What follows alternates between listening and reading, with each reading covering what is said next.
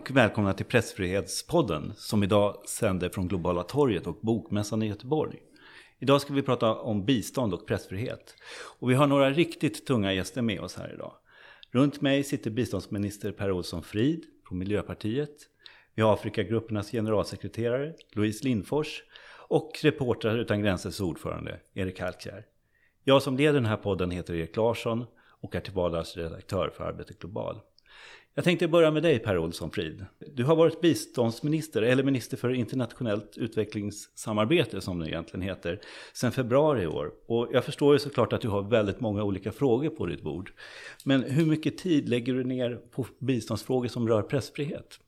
Ja, tack för att eh, jag får komma med i, i, den, här, eh, i den här podden, i det här samtalet. Och, eh, ja, men pressfrihet är ju jag kommer inte kunna svara att så men jag lägger 15% av min arbetstid på det. För att det kan man nästan inte svara om någon fråga. För alla frågor flyter in i varandra idag på ett sätt som, som, eh, som kräver en annan typ av arbetssätt tror jag. Men, men det är klart att, att demokratibiståndet, det är ju en av våra absolut största andelar av det svenska biståndet. Och vi jobbar med demokratifrågor i, i alla sammanhang där vi är med svenskt bistånd. Och där är ju liksom yttrandefrihetsfrågor, eh, stöd till journalister, eh, fri press ofta en, en, en del av det eh, demokratiarbetet. Ehm, så en ganska stor del ligger här. Och, och framförallt kanske i anslutning till till när vi har, när vi liksom tar, som när vi tar fram en ny biståndsstrategi för ett visst område, östra Europa till exempel, eller västra Balkanarbetet, så, så är ju det här extremt viktiga delar. Eh, du då, Louise Lindfors, från, Lindfors från eh, Afrikagrupperna. Hur eh, mycket av ditt jobb lägger du ner på pressfrihetsfrågor? Ja, men jag får ju göra eko på, på Per där. Det är svår, svårt att säga exakt i, i procent eller hur mycket eh, stor andel och sådär. Men i vårt arbete som ju främst eh, organiseras genom stöd till partnerorganisationer i södra Afrika, vi har ett 30-tal civilsamhällesorganisationer som vi stöttar och samarbetar med, så är ju en stor del av deras arbete kopplat till både kommunikation, eh, att nå ut med sina budskap, och kom, alltså kommunicera och mobilisera.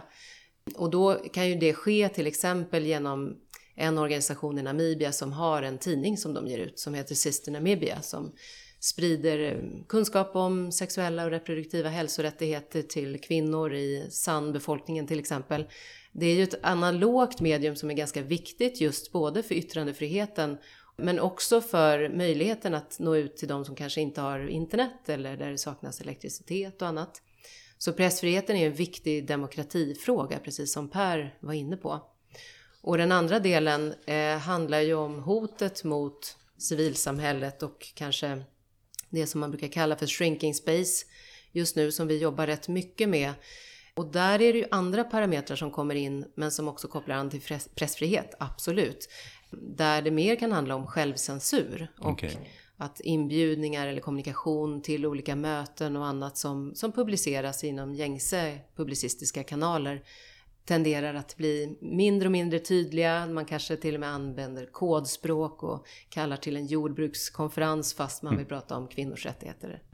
Jag tänkte fråga dig också Erik Kalkar, alltså som Reporter utan gränsers ordförande så ägnar du ju dag och natt åt pressfrihetsfrågor givetvis. Men hur mycket ägnar du åt biståndsfrågor?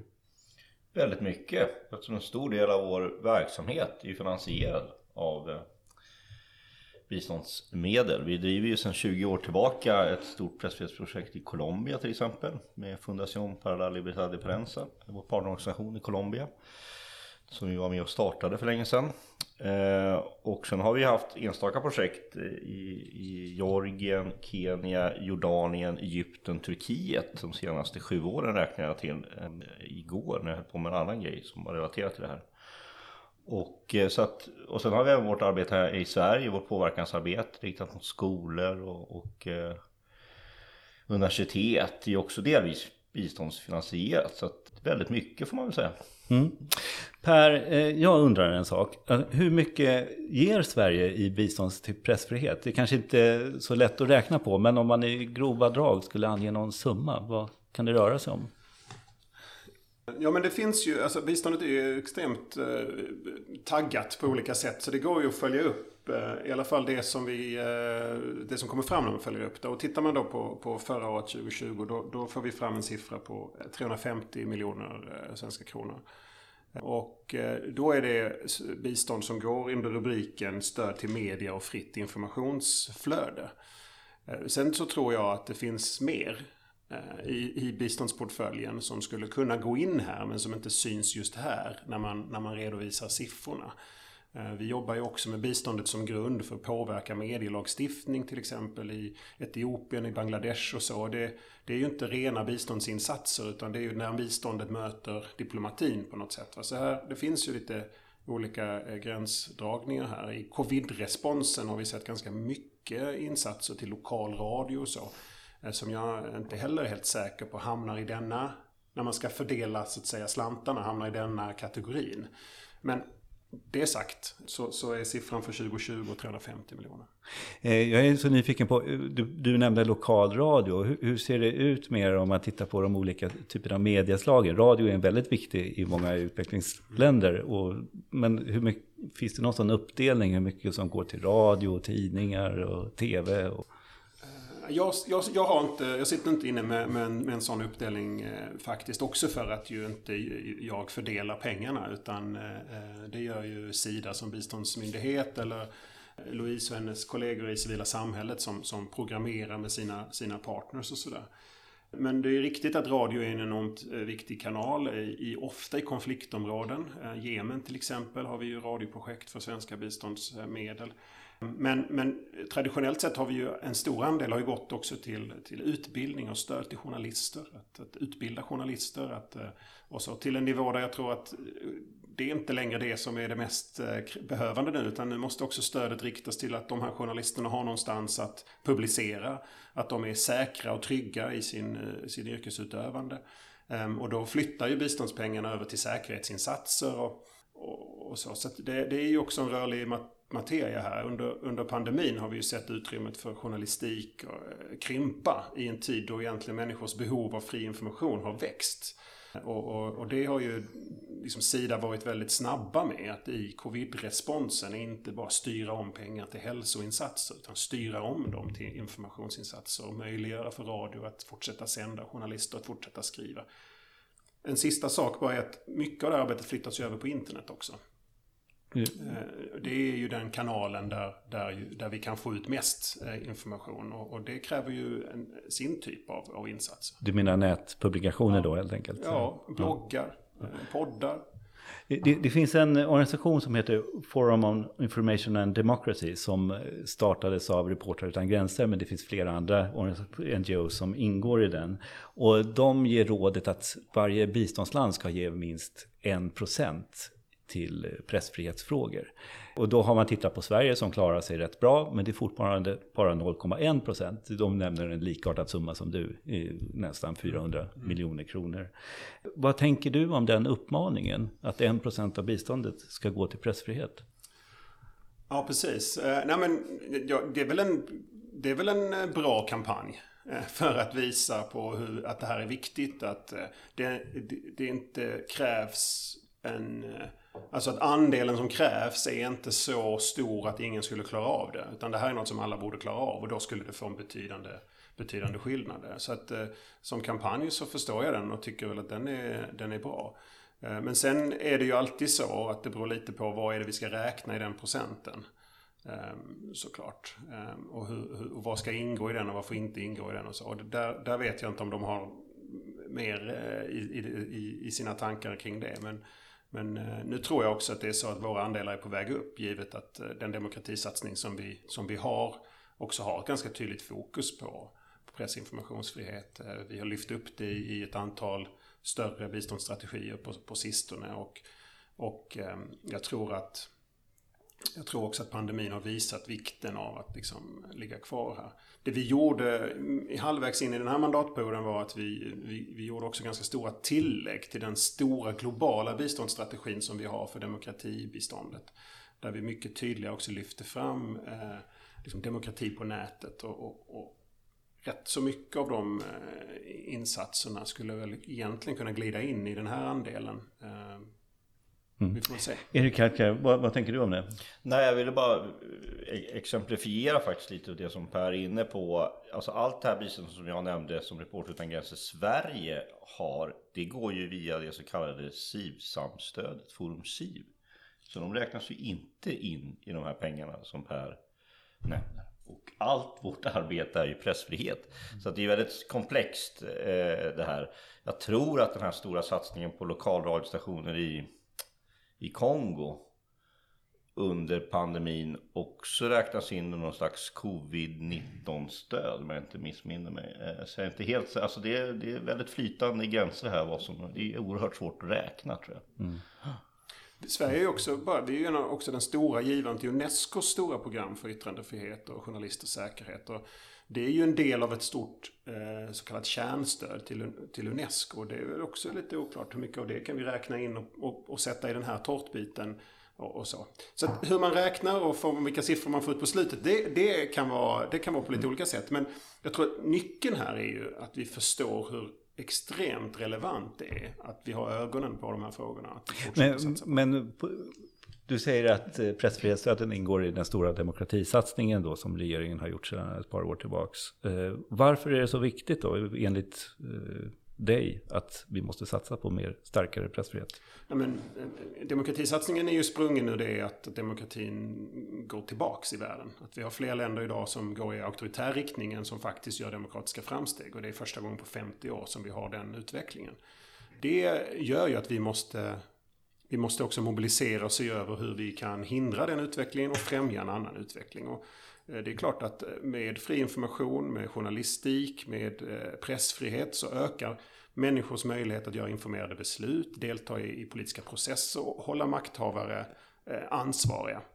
Och, och, det är ju nycklar för att kunna vända och mota en antidemokratisk utveckling, en auktoritär utveckling och istället främja en demokratisk utveckling. Louise, eh, jag är lite nyfiken på hur pressfriheten ser ut ja, ute på fältet om man säger så. Du jobbar med utvecklingen i afrikanska länder. Kan du berätta lite grann, hur ser det ut med, med det här, de här stöden som kommer till olika tidningar och radiokanaler? Vilken effekt ser du av det?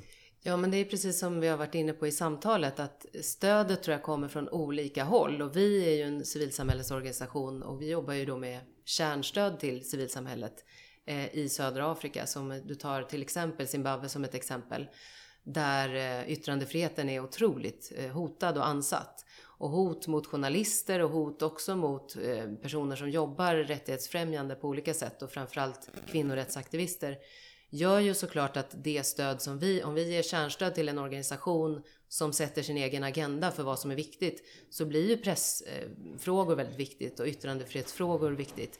Även eh, freedom of assembly, vi pratar om pandemin här, att det krympande utrymmet som uppstått under pandemin eh, handlar ju också om att eh, regressiva regeringar använder det som ett argument att eh, stävja människors rätt att samlas eller ha möten rent fysiskt. Så även om det då konkret inte handlar om stöd till pressfrihet per se så är det demokratistärkande och har med, med, med pressfrihet att göra. Jag vill också knyta an till det exemplet som kom upp där apropå på fältet för att Lokalradion är ju en jätteviktig kanal i, utvecklingskontext och i södra Afrika där vi verkar, både i Zimbabwe, i Mosambik, Namibia.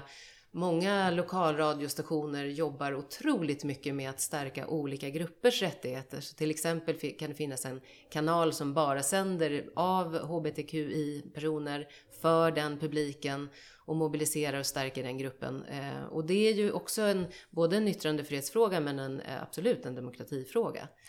Eh, Zimbabwe, det är alltså ett land som, eh, där pressfriheten är extremt utsatt. Det ligger på 130 plats av 180 i vår pressfrihetsreport utan gränsens pressfrihetsindex. Ja, och det har också sjunkit ganska brutalt de senaste åren. Ja. Det... Men om jag vänder mig till biståndsministern här. Om man ska stödja då pressfriheten i ett land som Zimbabwe där eh, det är väldigt svårt för journalister att verka fritt. Alltså, hur, hur, hur, ska man göra det? Hur ska man kunna nå ut egentligen med sitt stöd? Är det, är det någon, någon idé att vända sig till länder där det, som ligger så lågt ner? Eller är det bättre att satsa på länder som har en ja, men lite bättre demokrati eller demokratiskt utrymme? Hur, hur resonerar du? Det beror ju på vad man vill åstadkomma såklart. Att det kanske hade varit eh, liksom lättare för oss att jobba med demokratibistånd och pressfrihetsstöd i ett land där det fanns eh, ett större utrymme att göra det. Men eh, det är ju kanske samtidigt viktigare att vi försöker jobba med de här frågorna i ett land där det utrymmet krymper och har krympt under tid.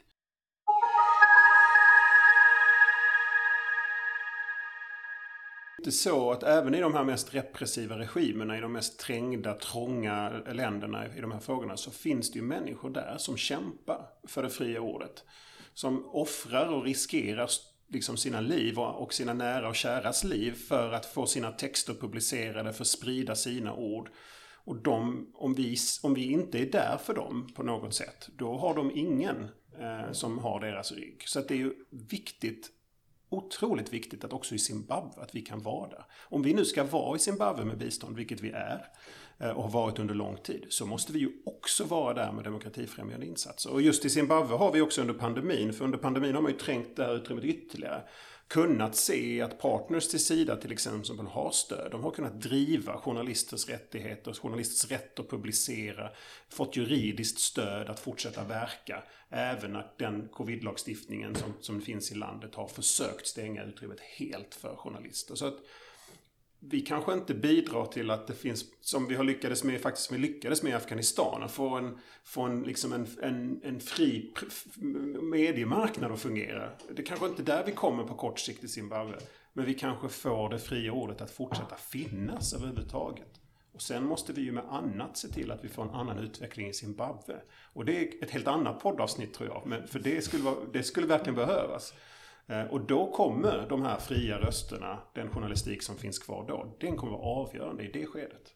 Men eh, Erik, hur tänker du reporter, som Reporter utan gränsers ordförande? Eh, vi tar Zimbabwe som ett exempel här. Alltså, hur, hur ska man stärka pressfriheten i ett land där myndigheterna är så svårjobbade? Vi har ju andra, exempel, andra länder som Belarus till exempel och numera Afghanistan. Liksom som, mm hur, hur, kommer man, hur stärker man det? Där. Nej men det är ju jättesvårt och Reporter utan gränser jobbar ju eh, mycket, eller mest med påverkan. Alltså vår generalsekreterare Christophe Deloire han åker ju vid tillfällen till Sydsudan, träffar presidenten eller andra eh, länder och, och liksom påpekar för makthavarna att det, han har, alltså pressfrihetsindex kan verka som en färggrann karta för som barnen tycker är roligt att titta på. Så man själv lätt kan dela upp länder i olika. Men vi får komma ihåg att Japans premiärminister ville inte att Reportrar till gränsen skulle få komma till landet efter att Japan rasade ner indexet. Saudiarabiens kungahus har ringt Reportrar till gränsen och frågat hur ska vi göra för att kunna komma upp på den här kartan.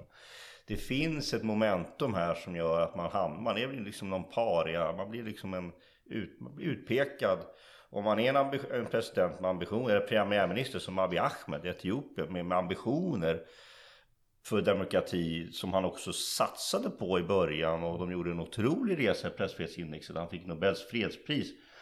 Men nu när det verkligen skon klämmer då är det inte så himla viktigt längre. Då börjar man liksom nagga lite på pressfriheten. Men han har ju hela världens ögon på sig. Afghanistan, jättehäftig resa där biståndet har, och, och, och internationella samfundet har bistått, bidragit med jättemycket till media. Men där är det ju oerhört viktigt nu att inte tappa den. Jag tror att jag har sagt i några medier tidigare att nu gäller det liksom att köra in foten i dörren här och, och säga till talibanerna att ska ni ha sjukhus och skolor då får ni också ha journalister som kan granska det här biståndet. För annars så kan inte vi ge, då vet vi inte om pengarna kommer fram. Per, jag, jag tänkte på det för att eh, Afghanistan har ju skett stora satsningar där tidigare. Men hur resonerar ni nu kring pressfrihetsfrågor där? Nej men alltså, jag, jag, det, var, det var ju så fantastiskt på något sätt att vi hade inget våld mot journalister som rapporterades i samband med valet eh, 2018 i, i Afghanistan. Det, det, för mig det var det liksom ett... Eh, det, betyder säkert inte att det inte var något våld. Men det var liksom... Det var det dödligaste året på många år. Ja, men det hade inget med valet att göra. Men, men, liksom, men ändå. Här, och, vi, och vi, vi har också sett under tiden nu, under tiden som talibanerna inte sakta men säkert utan ganska snabbt och eh, har, har tagit makten igen i Afghanistan. Att, att vi har ju sett rapportering inifrån afghanska röster om utvecklingen i Afghanistan. Och det finns fortfarande kvar. Några av dem vågar fortfarande publicera. Och det är ju eh, mäktigt tycker jag ändå att, vi, att, att, att man hade kommit dit. Men, eh, och, och, nej, men jag håller med, nu, nu gäller det ju bara att visa till att de har fortsatt stöd. Eh, och om de behöver ut ur landet för att sända och, och jobba utifrån så behöver vi ge dem stöd för det.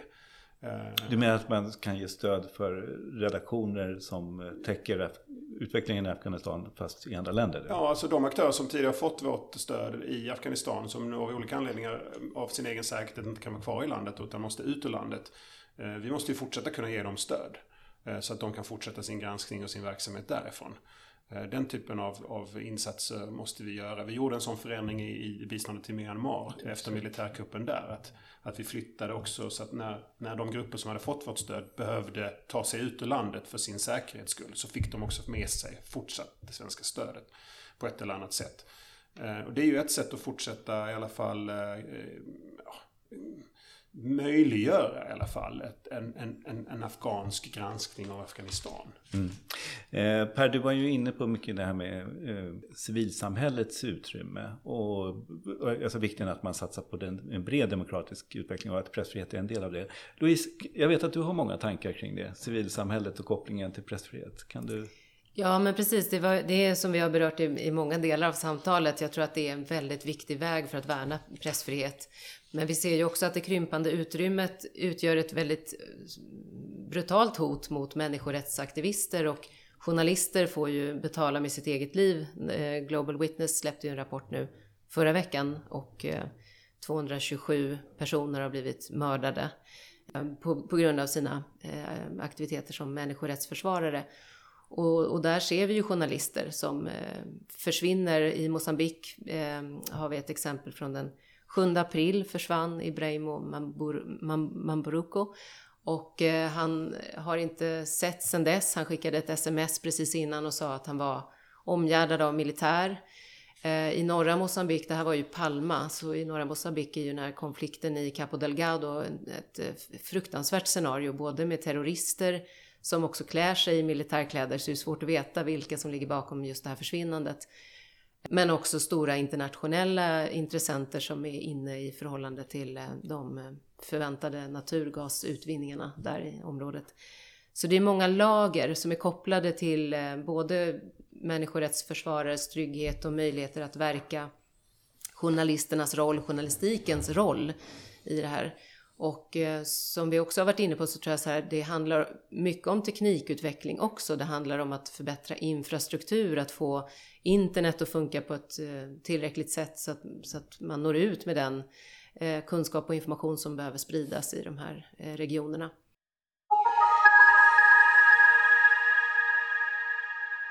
Finns det några länder eller världsdelar som regeringen vill se att här behöver vi stärka upp pressfriheten mer. Om du ska ta, ja, tänka regionen. Den behöver ju stärkas eh, liksom globalt, så är det ju. Eh, men, eh, men vi gör ju en, en särskild, i, i det nya arbetet som vi har startat upp för Östeuropa, till exempel och också Balkan, Turkiet, så är det ju väldigt inriktat på, på, på den här typen av frågor. Där vi också samarbetar med med, med en organisation som heter Media Development Investment Fund som ju som ju hjälper till att också få mer ytterligare så att säga extern finansiering in i, till, den fria, till den fria pressen. För i många länder så konkurreras man ut av eh, stora statliga eh, mediebolag som kanske då ägs av en oligark eller hur det kan vara. Och företag förbjuds att annonsera i den fria pressen. Och så att man på det sättet krymper utrymmet. Det finns inga det finns inga juridiska hinder för pressen att verka men, men de ekonomiska hindren blir liksom så stora att man inte kan vara kvar längre. Och då, det är en ny typ av bistånd att liksom katalytiskt försöka gå in med garantier som gör att fler vill investera och därmed kanske eh, man kan behålla en tv-kanal eh, som är fristående och så. Eh, men det är ju en, det är en världsdel, alltså Östeuropa och Balkan som är extremt viktig. Men, men vi ser ju betydelsen av, av att skydda journalister till exempel i, i, i stora delar av världen. Latinamerika inte minst, eh, Asien. Eh, otroligt, otroligt eh, svåra och otrygga miljöer att verka i. Jag tänker på dig Erik, som är ordförande för Reporter utan gränser. Hur ser din önskelista ut? Ja, jag brinner ju också för Latinamerika så att jag ska faktiskt ha ett samtal här under bokmässan om El Salvador som är det land där pressfriheten har försämrats sämst, mest under det, näst sämst i det indexet som är ute nu.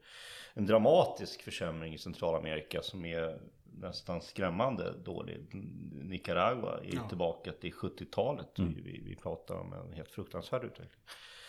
Venezuela, Colombia för att nämna några andra länder. Mexiko har alltid varit svårt. Eh, eh, men jag tycker Asien också eh, men, för att vända på det, jag brukar alltid, det blir så eländigt, jag brukar alltid lyfta Afrika ändå som, som alltså om man tittar på den här pressfrihetskartan så finns det faktiskt flera länder i Afrika som visar på motsatsen. Och det kanske inte är tack vare bistånd, det kan vara tack vare mycket annat. Men det är som Sydafrika, Namibia, Burkina Faso, och för sig det är skakigt där också, men, men eh, Ghana och så. Länder som, som ändå tycker jag visar att det går eh, och, och vända den här utvecklingen. Och eh, de länderna ska man använda tror jag om man jobbar till exempel i regeringen eller biståndsorganisationer att liksom visa på goda exempel tror jag är jätteviktigt. Det börjar snart bli dags att avrunda. Vi sitter ju här på Globala torget eh, på Bokmässan i Göteborg och spelar in Pressfrihetspodden. Men jag skulle bara vilja ställa en, ja, en fråga och jag hoppas på ett ganska kort svar ifrån er. Eh, vilket är det största hotet som ni ser mot pressfriheten idag? Jag vet att det är en väldigt, väldigt stor fråga, men om ni kunde sammanfatta Om du kunde börja Erik kanske? Ja, jag brukar alltid säga att det är politikerna. Eh, eh, det här blir spännande. Vi sitter en politiker. Nej, men det är ju de här maktha maktfullkomliga makthavarna. Alltså, Tanzania, nu har han ju gått bort Magufuli, men, men, men, det finns andra. Donald Trump är det mest lysande exemplet. Viktor Orban i Ungern, det finns flera. Som på egen hand kan rasera ett helt, en hel demokrati och pressfriheten. Peka ut journalister, göra dem till måltavlor. Eh, som politiker har man ansvar att liksom, man har man blivit vald på grund av pressfrihet oftast. Och då får man ju också se till att försvara den. Mm. Per, per Olsson Frid, miljöpartist, biståndsminister, politiker. Är det politikerna som är det största problemet? Ja, nej, men det ligger väl mycket i det som Erik säger. Eh, att, alltså, maktfullkomlighet eh, och rädslan att eh, mista privilegier. Att, Eh, gör ju att man eh, blir... Agendan att hålla kvar vid sin egen makt eh, är starkare än att försöka förbättra för sitt folk. Och det är ju det som händer i, i många platser. Men jag, för att komplettera Exor så, svarar jag desinformation. Alltså att det finns en extremt kraftig rörelse med väldigt mycket pengar bakom som, som, som försöker ibland se ut som journalistik men som inte är det. Utan som handlar helt enkelt om att bara skapa, eh, distrahera oss, så frön av, av eh, o, liksom brist på tillit och, och ehm, och eh, få ut felaktig information. Och det inte bara skakar om och hotar den fria informationen men den rycker också lite undan mattan för de aktörer som vill och kan eh, riktig seriös journalistik. Eh, och, och, det, eh, ibland kan det vara svårt för en medborgare att se skillnad på vad som är vad. Eh, och det, det tror jag är ett stort, eh, ett stort hinder för, för journalistiken och den fria informationen så småningom att vi som konsumerar nyheter inte ser skillnad längre på vad som är journalistik och vad som är desinformation. Och att det där blandas ihop. Eh, och då, eh, då, då, då tror jag vi kommer tappa enormt mycket värde. Vem finansierar det? Ja, alltså eh, det går ju att spåra de kronorna också ganska ofta. Eh, och det är väl inte mm, liksom så långt bort från, eh, från de krafter som, som, vill, som inte vill att världen ska utvecklas helt enkelt i, i demokratisk riktning. Som har pengar att tjäna på att eh, deras privilegier är, är kvar och deras kontrakt på olika saker. Ofta kopplat till naturresurser. För tillbaka till Louise inledde här, att det här hänger ju ihop med kampen om planeten, om naturresurserna, om, om, om, om, om, om värld, de, de värden vi har eh, på vår jord. Um. Louise? Vad ser du som är det största hotet mot pressfriheten? Nej, men jag håller med föregående. Både totalitära regimer, populismen och de klyftorna som uppstår. Fake news, bubblor, alltså te den tekniska utvecklingen generellt. Och i förlängningen då så innebär ju det också självcensur av många. Och det tror jag är någonting, både människor som blir rädda för att uttrycka sin åsikt och maskera den på olika sätt. Det tror jag också är eh, någonting som man ska vara väldigt uppmärksam på när eh, man börjar jobba med kodspråk eller säga andra saker än det man egentligen vill säga. Sådär. Eh, så yttrandefriheten är ju liksom en nyckel till pressfrihet också. Eh, så det mm. Har vi nämnt alla fem utmaningarna som Reporter utan gränser har?